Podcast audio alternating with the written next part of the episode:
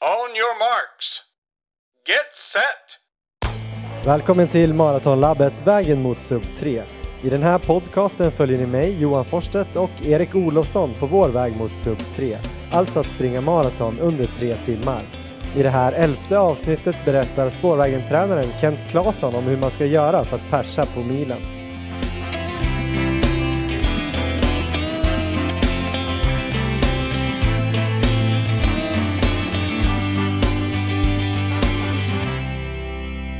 Erik Olofsson, det svåra elfte avsnittet är här. Är du laddad och klar? Tjena! Mycket, mycket laddad tack. Var jag överladdad där tycker du? Eh, nej, fan. Det var, ursäkta språket, det var kanon. Hur är läget? Eh, det är bra. Bara, bara bra. Jag har, eh, jag åkte på en liten sjukdomsperiod efter våran senaste inspelning. Så jag hade ju planen där att jag skulle springa massa mil förra veckan. Men det sprack helt så att jag eh, åkte på en, en förkylning och halsont och eh, missade totalt fyra dagar. Så det var ändå ganska okej känner jag att fyra dagars frånvaro får man vara ganska nöjd med.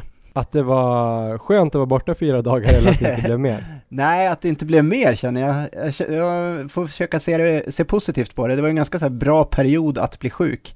Jag hade haft en bra träningsperiod innan och eh, det är förhoppningsvis inte så att jag kommer missa något lopp eller så på det, om jag inte blir sjuk igen då, men det ska jag väl inte behöva bli.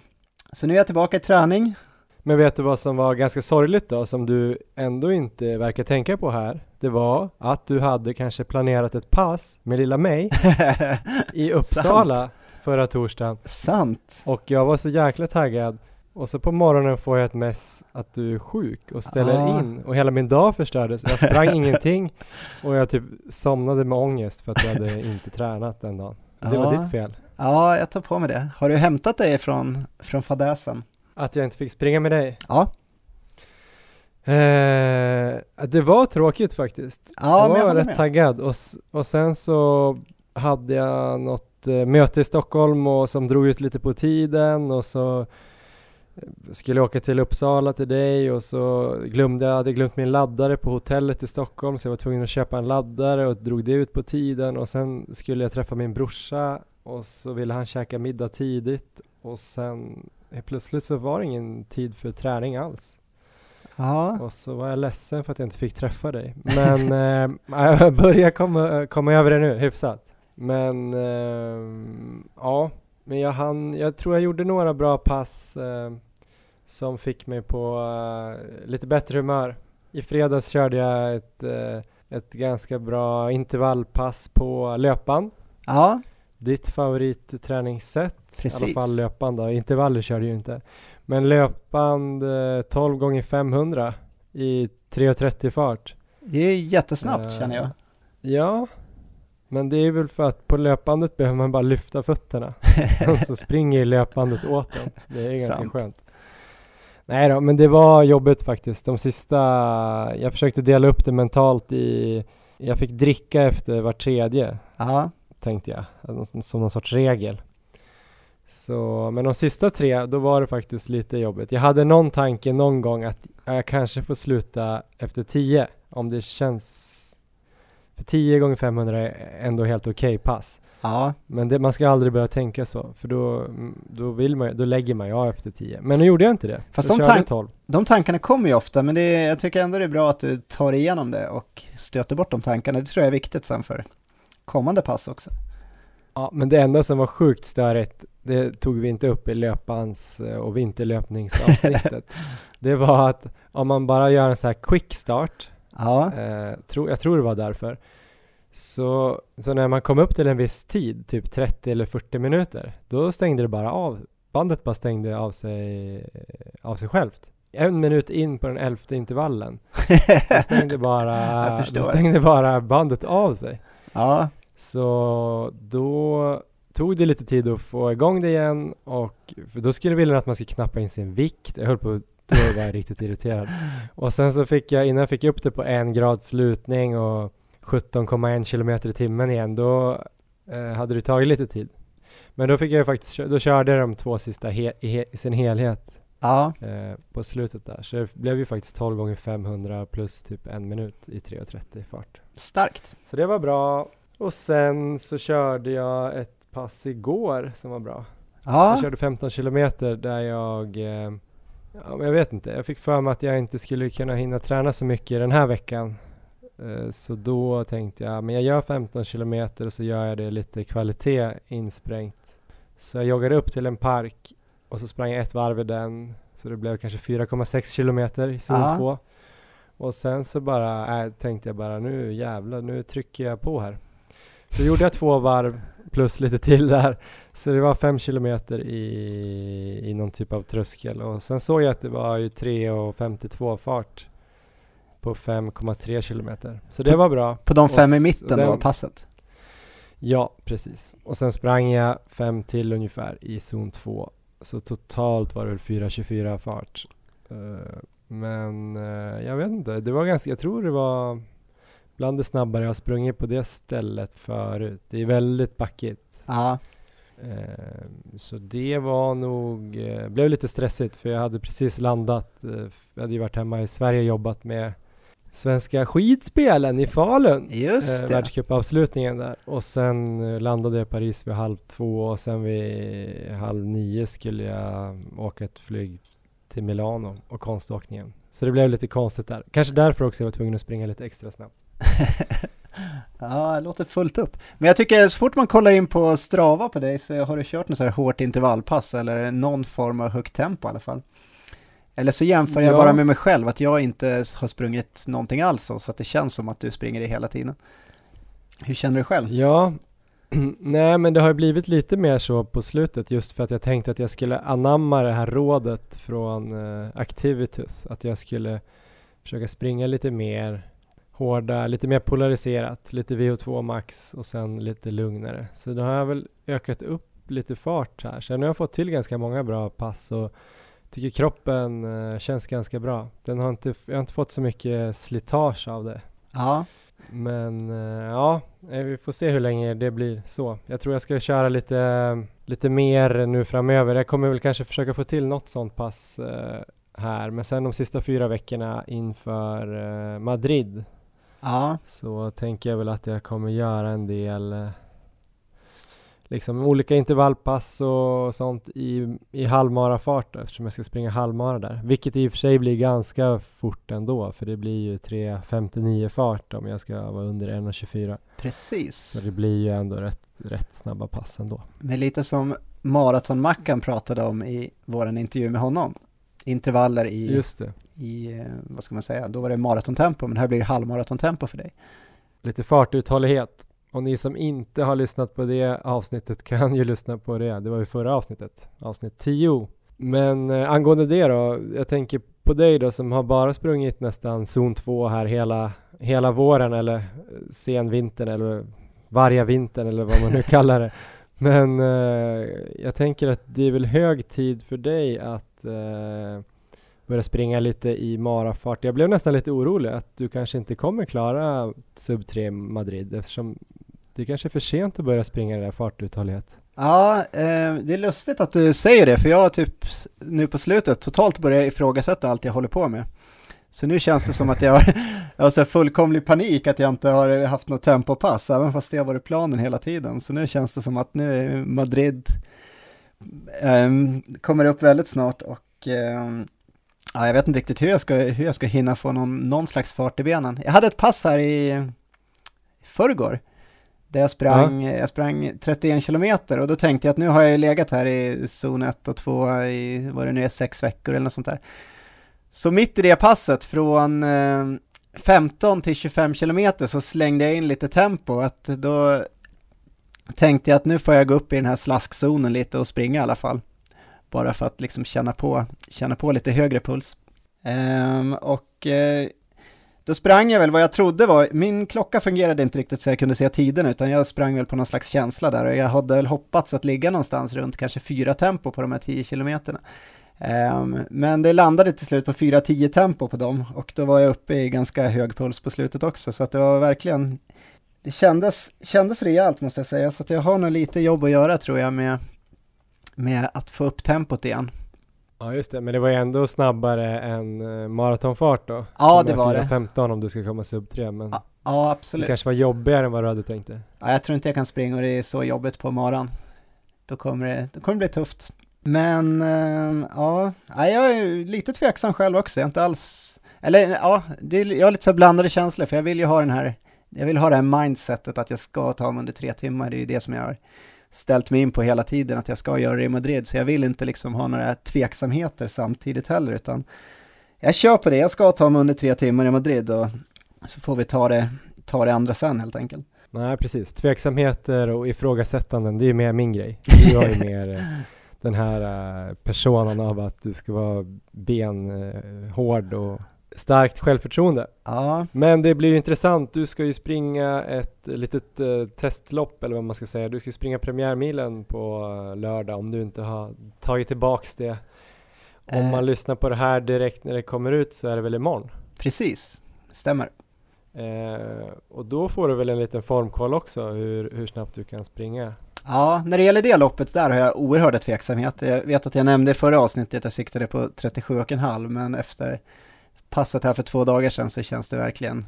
Jag är helt, helt osäker på vart jag ligger. Det känns, det känns väldigt, väldigt svårt att... Eh, det känns som jag kan ligga vart som helst mellan 37 och 40 minuter i princip.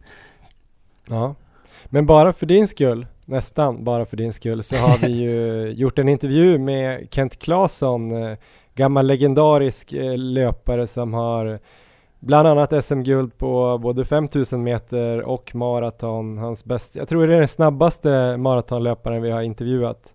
2.17 har han sprungit på. Just nu är han ju tränare för spårvägens eh, elitlöpare. Eh, och jag ringde upp honom för att eh, prata lite om 10 kilometer, taktik och sista veckan och sådär. Och eh, vi tänkte köra den intervjun nu och så pratar vi lite mer om våra tankar kring det. Så här, varsågod Kent Claesson. On your marks. Get set! Ja, hej Kent eh, Claesson. Tusen tack för att du kan ställa upp och prata lite 10 kilometer med oss. Eh, välkommen till Maratonlabbet. Tack så mycket. Jag tänkte bara börja med att fråga egentligen sista veckan innan ett 10 kilometers lopp om man verkligen ska prestera max på lördag eller, eller söndag. Hur mycket ska man eh, dra ner på träningen och när ska man köra sitt sista hårda pass? Ja, det, det, det beror ju helt på egentligen hur mycket man tränar. Tränar man tre pass i veckan så kan man egentligen springa de tre passen som vanligt. och säga att man bara man byter ut och har tävlingen på lördagen. Eh, och sen då att man kanske behåller sina två andra pass gör att men eh, om, om, man har kanske ett, om man vill köra något intervallpass så tycker jag man ska göra det senast tisdagen. I alla fall så att du har fyra, fem dagar på dig eh, mellan sista passet och, och eh, tävlingen. Och då kan man köra riktigt hårda intervaller på tisdagen? Ja, Eller tröskel? Det är väl, eh, ja, typ eh, för 10 km lopp så tycker jag det är bättre kanske med tröskel och kanske avsluta med ja, 5-6 gånger 200 meter med en minut vila. Och så kanske, beroende på hur länge man brukar köra tröskel, men kanske mellan 20-30 minuter. Och sen resten av veckan mer eh, hålla igång och springa eller? Ja, distans och sen eh, har man tävling lördag så kan man på torsdag köra kanske 6-7 gånger 100 meter för att få lite, eh, ja, lite flyt i löpning och få springa på lite fortare i alla fall va, så att man får den känslan. Va. Och, och, och sen är det egentligen sista veckan så kan du inte göra så mycket. Du kan, egentligen kan du bara förstöra. uh, för att uh, på den veckan hinner du inte bli så mycket bättre ändå. Utan det är som du säger att man ska toppa sig lite grann och då kan man ha ett pass va, som, uh, som gärna med lite fart i sista veckan för att få lite överfart så att man får den känslan lite grann. Va. Just det. Och sen om man kommer till själva loppdagen då, då är det ju lite så här, hur mycket uppvärmning ska man göra och hur hårt vill man köra den för att vara redo utan ha bränt något krut så att säga? Ja, det, och det är lite mer vad man är van vid. Va? Men jag, som vi, jag som tränar elitlöpare, de, de börjar sin uppvärmning kanske 50 till 60 minuter innan start. Mm. Och då joggar de 15-20 minuter. Sen så kör vi lite dynamisk rörlighet med benpendlingar. Eh, sen lite löpskolning och sen så kör de lite stegringslopp eller koordinationslopp om man, vad man vill kalla det. Om det är ett stort, stort lopp så kan det vara att man behöver gå och ställa sig tidigt i, eh, mm. i startledet så säger jag för att få en bra plats. Om det är många som springer, om det är många tusentals som springer, man vill ha en bra plats, alltså man ska stå långt fram. Och då kan det vara att man får stå och vänta lite. Så att, och det, det, där är ju lite svårt va? Och, då, och då kanske man blir lite kall innan man startar. Och då får man försöka hålla igång på stället lite grann faktiskt. Kanske vänta upp lite innan i alla fall. Men om man sen då, när startskottet går höll jag på att säga, men hur ska man lägga upp sin taktik om man vill springa så snabbt som möjligt på 10 kilometer eh, landsväg då? Om man inte tänker placeringar utan man vill bara ha den bästa möjliga tiden på. Mm. Ja, det, det är att springa det så jämnt som möjligt. Eh, egentligen om man, eh, om man siktar på 40 minuter så ska du hålla 4, kilometer, eller 4 minuter per kilometer va? Och, och försöka komma in i det. Man kan ha lite snabbare första kilometern kanske va? men det går inte att springa på 3.40 första kilometern för då kommer du tappa sen efterhand. Va? Så att, eh, det, det, ja, så, så jämnt som möjligt för då, då kan du ha lite krafter kvar på slutet. Så helt enkelt bara ta den tid man vill springa på och så räkna ut kilometertiden och egentligen bara hålla det från kilometer ett och sen hoppas att man kan spurta lite. Ja, precis. Och sen, hoppas, sen får man hoppas att man har en bra dag så man kan öka lite på slutet. Va? För att är du trött på slutet så kan du tappa mycket tid. Men däremot om du är pigg så kan du plocka en del tid. Va? Och, men samtidigt får du inte öppna för lugnt heller för att vara för långt efter det. Va? Så att du har för mycket krafter kvar. Utan Eh, Eh, men sen blir det aldrig rätt. Sen är det hur banan ser ut. Det kan vara lite uppför på något ställe och då går den kilometer lite långsammare. Då får man ju ta det. Och sen kanske den kilometer som rullar på lite utför och då kan den ju gå lite fortare. Va? Men, eh, men är det ett rätt så platt lopp sådär, så, är det, så ska man försöka hålla det så jämnt som möjligt varje kilometer. Men om det är så att det inte är helt platt utan det är lite backigt i början till exempel. Går det att använda sig, om man har koll på sin mjölksyretröskel och ha en klocka. Som motionär kan man liksom gå någonting efter, efter anaeroba tröskeln så att säga? Och ska man ligga lite över då eller hur funkar det? Ja, lite grann. Jag, som var elitlöpare då är det ju, den, den stämmer väldigt bra överens med vad man gör på halvmaran, eh, anaeroba tröskeln. Eh, den, den, farten brukar stämma rätt bra på eh, snittet då för, per kilometer för att man gör på halvmaran. Då skulle du springa lite fortare där. Va? Så att det är klart, har man gjort ett sånt test så kan man använda det av det lite grann och veta på ett ungefär liksom var man ska ligga. Men de bästa testerna för oss löpare är ju att springa lopp egentligen. Eh, då vet du vad du gör på 10 km. Sen är det precis som du säger, på landsväg så kan banorna se olika ut. Och eh, vissa banor är snabbare än andra. Sådär. Men eh, ofta så vet man ju på ett ungefär vad man gör för tid. Va? Om mina erfarenheter säger när man har hittat ett ganska bra tempo i början så brukar liksom kanske de första två, tre kilometerna kännas väldigt, väldigt lätta. Sen kommer det några kilometer där man ja, kommer in i tempo men sen någonstans mellan 6 och 8 ungefär så brukar det kunna vara att man får gräva lite djupare. Har du några tips där hur man, hur man liksom jobbar mentalt? Ja, nej, ja, det, jag tycker precis som du säger, där, 10 km lopp brukar börja vid 6-7 km ungefär. Va? Mm. Och, och det, då, då, då, får man börja gräva lite där va? och då är det lite vilja helt enkelt att plocka fram det här mentala liksom. Och det är oftast den, den som kan springa lite fortare oftast den som kan plocka fram krafterna lite mer och, och, och det där, det, en del har det, en del har det inte. Det, det är hur mycket du vill plåga dig helt enkelt. Hur var det för dig när du sprang mycket? Tränade du på det eller blev, tränade du upp det genom att tävla? Ja, det, det, precis. Tävling är ju bästa träning. Alltså, men det är klart att man körde mycket intervaller när man kör hårt. Liksom. För, för 10 km lopp då så, så kan man ju springa två kilometers intervall. Ibland kanske vi kan köra fem gånger två kilometer. En motionär kanske kan köra två gånger två eller tre gånger två kilometer i tävlingstempo. Så de får springa lite längre intervaller för att känna på tävlingstempot. Va? Och, men, men, men sen är det då, det bästa är ju att tävla, göra några tävlingar liksom för att få fram det. Men sen samtidigt så också träna på det. Och, och då, då blir det lite överfart kanske man kan hålla också när man kör lite kortare intervaller. Va? Men framförallt det här att göra lite längre intervaller, upp mot två kilometer så här ibland för att eh, plåga sig lite mer. Va? Och det, det kan även vara att gå in på en bana och köra 10 gånger 400 meter med en minuts vila och hålla eh, mycket högre tempo va, som är eh, väldigt jobbigt det också. Så att, men då, då ska man veta lite ungefär vilka tider man ska hålla och varandra. Alltså.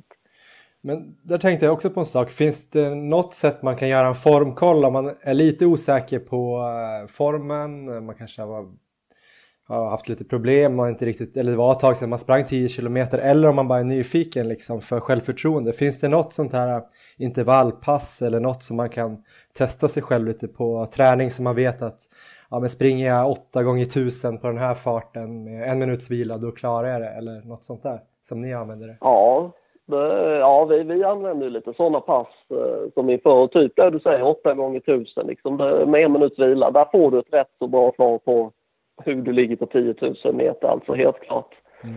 Det, det, den, den farten man kan hålla där i snitt, det, det kan, då hamnar man nog rätt nära sin 10 meters tid. Ja. Det, det, det, det stämmer. 8 gånger 1000 då, eller? Ja, det, det är bra. Vi, vi, vi, vi kan köra 10-12 gånger 1000 ibland. Men 8 gånger 1000, 6 gånger 1000 kanske någon, det kan räcka för också liksom, om man inte är så van löpare. Men har man sprungit en del och rätt så van att löpa, så alltså, absolut 8 gånger 1000. Och, och det, det, är ett tips. Va? Sen så kan det vara att man har någon snabbdistansrunda som man springer som man gjort tidigare. Då. Så att det, det, om man ska testa lite ska man göra ett pass som man har gjort tidigare som man kan jämföra med också. Det, det, det, är ju egentligen tanken med att göra tester så att man, man ser om det blir någon förbättring eller hur man ligger till i formen. Men så för den här tänkta 40 minuters löparen eller sub 40 minuter mm. då, så om han klarar, han eller hon klarar 8 gånger 1000 i fyra fart i snitt med en minuts vila så kan man vara relativt säker att de sen lite formtoppade klarar under 40. Ja, det, det, det tycker jag. Så det, vi, vi kör ju det med vi har en del tjejer som ligger där. Vi brukar köra 8 gånger 1000 med dem och, och kan de snitta det på Eh, vi säger om det är en tjej som springer runt 40 minuter, om de klarar det på lite under fyra dagar kanske så, så ska de klara under 40 minuter. Ja. En till grej, själva loppet eh, på så korta sträckor som 10 kilometer så har man ju inte behov eh, fysiologiskt av någon näring eller vätska sådär men men för, eh, och eliten har man ju aldrig sett såklart ta någonting på 10 000 meter. Men kan det finnas någon idé av att få någon liten så här sockergrej för hjärnan så mentalt i slutet? Har ni testat något sånt någon Ja, nej, eh, på 10 000 så vi säger något 10 kilometer, man har aldrig tid med det egentligen. Det är så nej. kort tid så att det, det behövs inte. Men det, det, det kan ju vara om det är väldigt varmt. Ja. Så, så kan det vara att man kanske behöver någon, någon att man vill ha lite vätska i så fall. Det, Uh, så att, och, och sen är det väl, men det är ju, det är ju de som är ute länge, som är ute över en timme då kanske, där kanske det kan vara lite ja, uh, mer aktuellt då i så fall. Va? Att, att ta, testa och kanske ta någonting. Men det går inte att ta det för sent heller utan det måste man ju ta vid halvvägs så man hinner få ut det i, i systemet. I, blod, i, i systemet, ja, ja precis. Ja. ja. Men det var ungefär det jag hade. Jag hoppas inte jag har glömt mm. någonting. Men har jag glömt någonting? Som är riktigt viktigt. Ja, ja det, det, det, man kan säga lite till det är just på tävlingsdagen är liksom att man eh, är utvilad när man kommer dit. Va? Att, man inte, att man inte har stressat och, och så här utan då är det på helgen och sen ska man inte jobba samma dag kanske och så här. Va? Utan om man har lite ambitioner och, och ätit en bra frukost och beroende på starttiden att man, att man har fyllt på depåerna ordentligt och så här. Va? Så det, det, det, gör, det spelar lite roll faktiskt. Det, det gör det, absolut. Mm. Superbra! Tusen tack Kent! Ja då. Ha det så himla bra! Ja, detsamma! Tack, tack!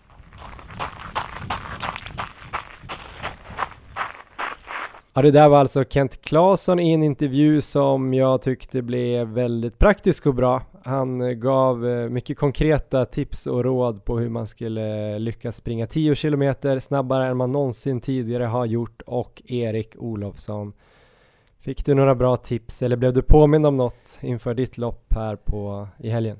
Um, jag tycker jag fick mycket bra tips och jag fick mycket bra tips som jag hade kunnat använda mig av förra året när jag sprang 10 km känner jag. Men som jag kommer, kommer ta med mig i år istället. Och, uh, Men hur många 10 km lopp sprang du i fjol? Jag sprang två stycken förra året. Jag sprang ett lopp i maj och ett lopp i augusti med väldigt olika resultat och med väldigt olika upplägg. Så, Berätta. Eh, om vi tar det första i eh, maj. Lätta ditt hjärta. första loppet i maj så sprang jag med en kompis. Jag sprang i och för sig samma, med samma kompis båda de här 10 km loppen. Och, jag vill eh, bara säga här nu att det var inte jag. Precis. Um, Han och, har alltså en till kompis. Precis, två stycken. och eh, vi gick ut i, alltså vi var väldigt jämnbra också, visste vi väl om innan. Vi hade som målsättning i första loppet att springa under 40 minuter. Och eh, det var lite kul här att Kent Claesson nämnde att eh, ja, man kan, ska man springa under 40 så kan man inte gå ut i 3.40 tempo första kilometern. För det var precis det vi prickade, vi prickade 3.40, vi Eh, jag vet inte hur det gick till där, men han, eh, min kompis var väldigt ivrig och det var väl jag också, så plötsligt när starten ska gå här för det var blodomloppet i Uppsala så står vi typ längst fram vid så här snöret vid starten. Och det var ju väldigt, väldigt långt ifrån den kapacitet vi hade, men ja ja. Och sen drogs vi med i starten i alla fall lite mer än vad det var tänkt, så att eh, ja, första, första kilometer gick på 3.40 och det där fick man ju definitivt betala för senare. Så det var ju, det där loppet slutade, vi tog oss till slut under 40 i alla fall, men det var inte med så stor marginal, utan jag tror jag kom i mål på 39.45 eller någonting. Men märkte ni efter första kilometern att det hade gått på 3.40 eller såg ni det efteråt eller kunde ni liksom korrigera Nej, det, då? Eller? det såg jag på min klocka och eh, då kunde man ju korrigera men då är liksom skadan gjord också. Det där får man ju betala för hela vägen på, på många olika sätt också. Och eh, om man tar och jämför just det upplägget med, med mitt andra lopp som jag sprang, mm. sprang i augusti. Nu, nu ska ju sägas att banprofilen var ju lite lättare på det andra loppet i augusti. Så det är ju lite sna snabbare lopp. Men då, då hade vi verkligen liksom eh, tagit till med det och jag hade bara bestämt att nu ska jag inte öppna, öppna för hårt, jag ska bara hålla igen i starten. Och det gjorde jag, så då startade jag väl istället på runt kanske 3,55 tror jag. Och eh, det, det var lite kanske saktare än vad jag hade kanske kunnat gjort om jag skulle hållit ett jämnt tempo så att säga. Men det var ju definitivt ett bättre upplägg och då hela loppet blir ju som helt annorlunda om man, om man nu kan göra så istället, precis som Kent nämnde i intervjun. Så det andra loppet, då sprang jag på, på 37.45, så det var ju mer än två minuter snabbare. Vad hade du då, då? Första halvan kontra andra halvan ungefär, eller? Vet du det? Um, jag tror jag hade ett hyfsat jämnt tempo, men jag sprang nog med lite så negativ split tror jag. Jag tror jag sprang lite snabbare. Jag hade en bra spurt, kommer jag ihåg, sista, sista två kilometerna. Mm. Men, uh, men utgångstempot är ju som jag ser det jätteviktigt på just 10 kilometer, att man håller igen i starten och verkligen ser till att man inte gör som jag gjorde där i första loppet. Hur har du lyckats med det? Du sprang väl, sprang du ett 10 kilometers lopp förra året? Ja, jag sprang ett i Paris i oktober. Ja, men jag vet inte, det är väl både min styrka och svaghet som löpare tror jag, att jag är ganska kontrollerad. Eh, har ganska bra koll tror jag på uh, mina farter och puls och sådär och vad jag redan innan vad jag tror jag ska kunna klara. Så att ibland kanske det gör att jag håller tillbaks mig själv lite grann, att jag inte riktigt vågar släppa lös allt. Ja. Men å andra sidan så det är väl inget 10 kilometers lopp i alla fall som jag någonsin har sprungit som där jag har tagit slut eller gått in i väggen och, och liksom verkligen tappat på slutet. Utan det är ju mer, läng längre lopp har det absolut hänt, men då har det ju mer varit kramprelaterat. Ja. Men det här loppet så hade jag väl som mål, jag hade ju sprungit på 39-20 innan, alltså något år innan, det var mitt pers. Och då tänkte jag väl att jag skulle komma under 38 38-30 tror jag. Eller jag hade lite så olika mål, men jag skulle absolut under 39, men jag trodde att jag skulle kunna komma under 38-30 och kanske nosa på 38. Aha. Men jag gick ut i 3.50 fart Just och det. jag varvade, eller varvade, men efter 5 kilometer så hade jag sprungit på 19 och 21. Så det betyder alltså att jag hade sprungit på 3.52 fart ja. första fem. Eh, men, eh, men jag hade nog en ganska bra resa. Exakt så där som jag berättade i, eller som jag tyckte att det är med 10 kilometers lopp. Att det gick ganska lätt i början. Ja. Och fyra till sex fick jag ändå börja tänka liksom så här, men det här är ändå lite jobbigt att ligga i den här farten, men det var ändå ganska okej. Okay. Och sen där sex till åtta, det var lite uppför där också, så där okay. fick jag verkligen kämpa. Men sen eh, vänd, när man kom på högsta punkten och vände ner, då hade det gått drygt åtta tror jag. Ja. Så då kände man att man kunde bara släppa på och så.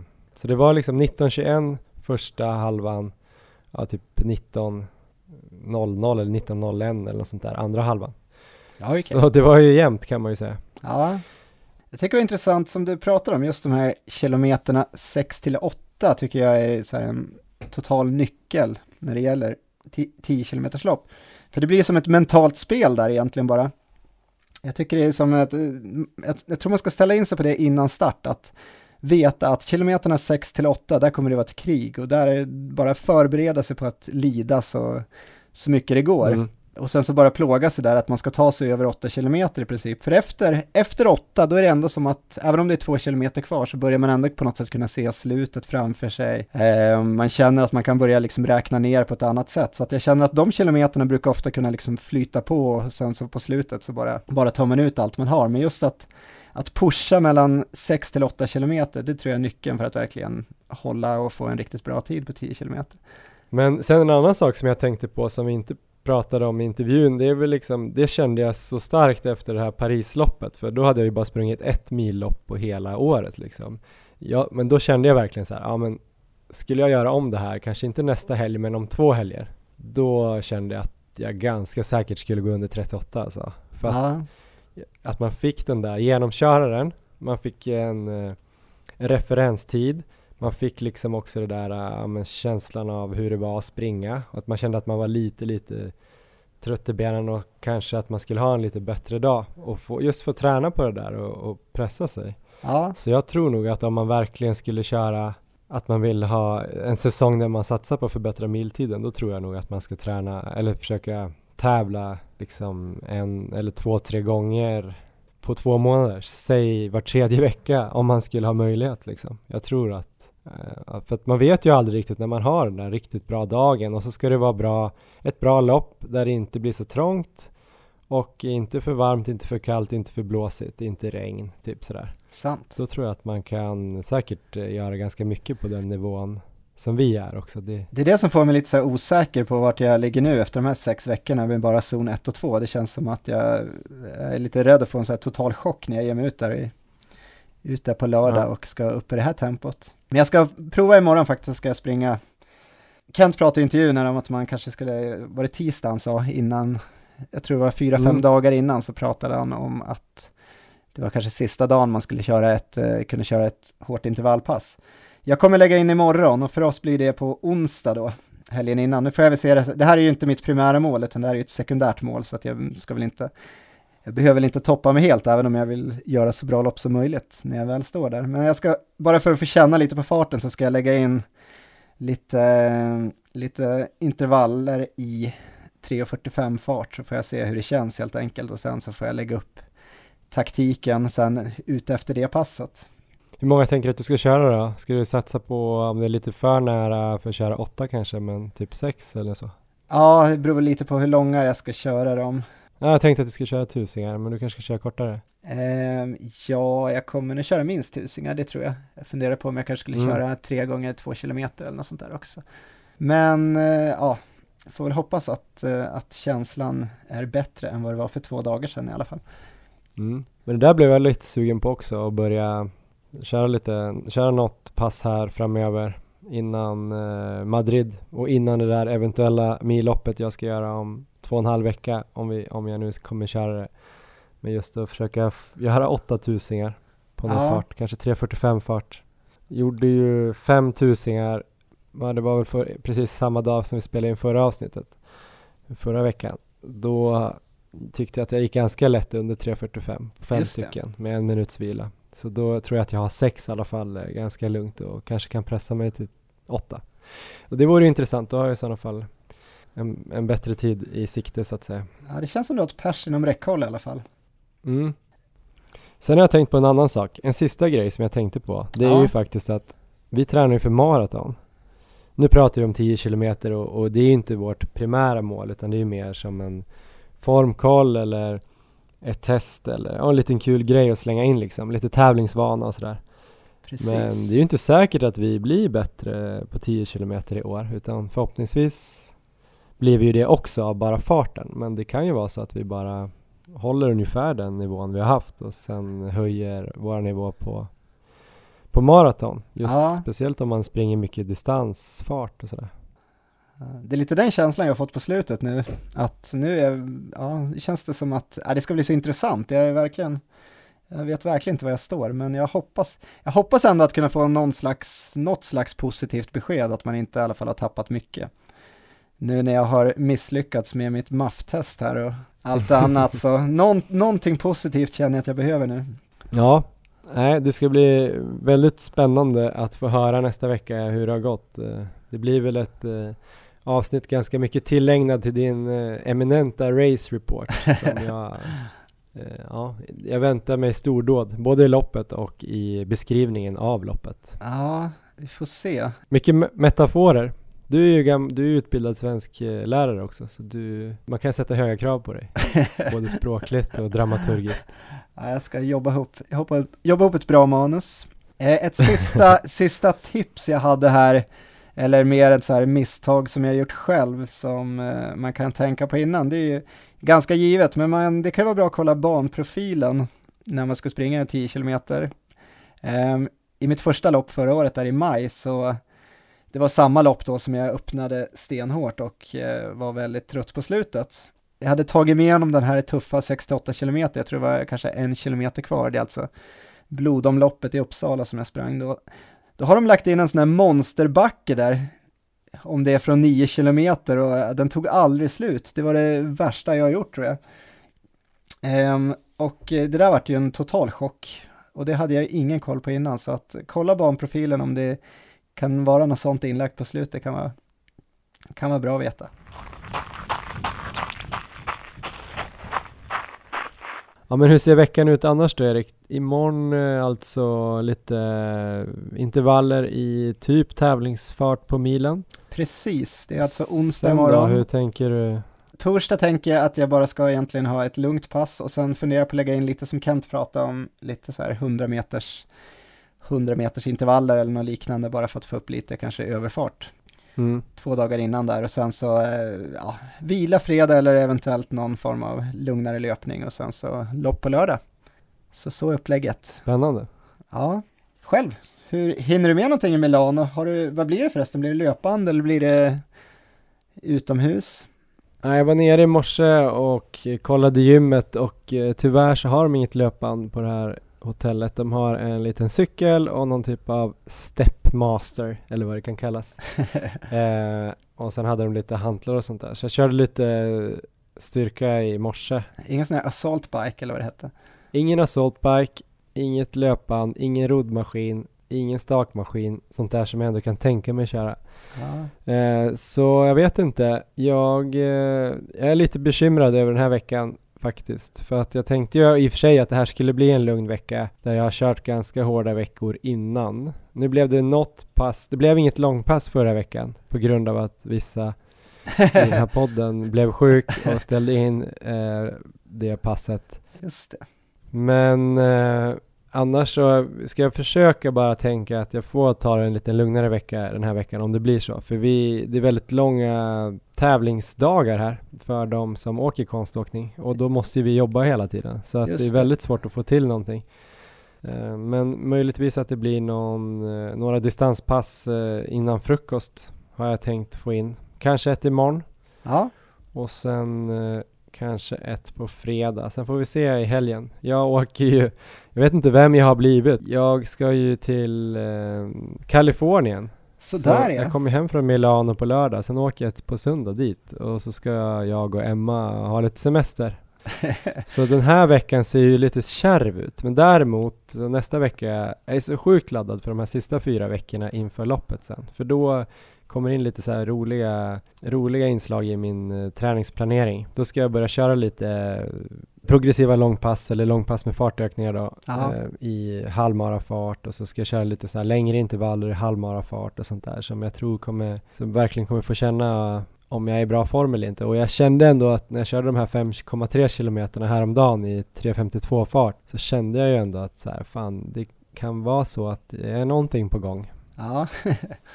Men den här veckan ser ju faktiskt lite tråkig ut. Eh, men jag, jag har ju väldigt svårt, jag, jag vet inte hur du är, men jag är en sån där person som jag, jag kan typ ibland komma iväg och springa på morgonen.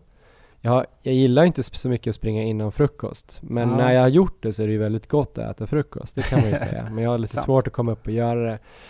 Eh, men däremot att springa typ intervaller på morgonen, det, det funkar inte. Det känns som jag ska gå sönder i varje led och jag har ingen energi och sådär. Så det ser kärvt ut med någon mer intervallpass den här veckan. Ja. Hur är du där? Brukar du kunna köra på morgnarna även de hårda passen? Um, ja, jag brukar ju köra mesta träningen förmiddag. Sen så brukar ja, jag väl ofta... förmiddag, det är skillnad om man måste köra sju eller tio. 11, 10, 11 brukar jag springa väldigt mycket pass och då, det funkar. Men just det här, för då kan jag gå upp och käka vid åtta eller halv åtta och så hinner jag vakna liksom, kroppen vaknar. Men just att gå upp så här innan frukost eller Ja, jag har provat någon gång, det är inte så ofta jag gör det, men det är väl, ja det kanske är, man kanske har lite mindre energi om man inte är van vid det. Ja, vi får se hur det går. Ni kan ju gå in och kolla på Strava. Eh, kan ni följa Erik Olofsson eller mig, Johan Forstedt, så ska ni se om det blev någon bra träning här resten av veckan.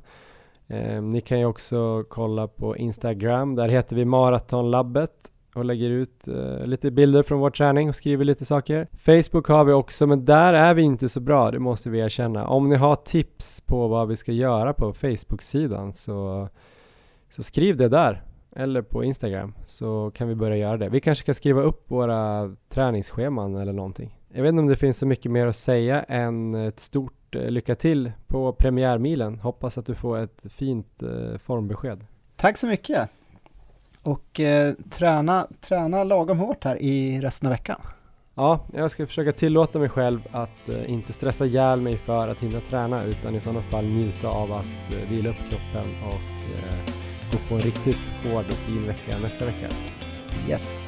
Tack så mycket för idag Erik, ha det så bra! Tack Johan, vi hörs!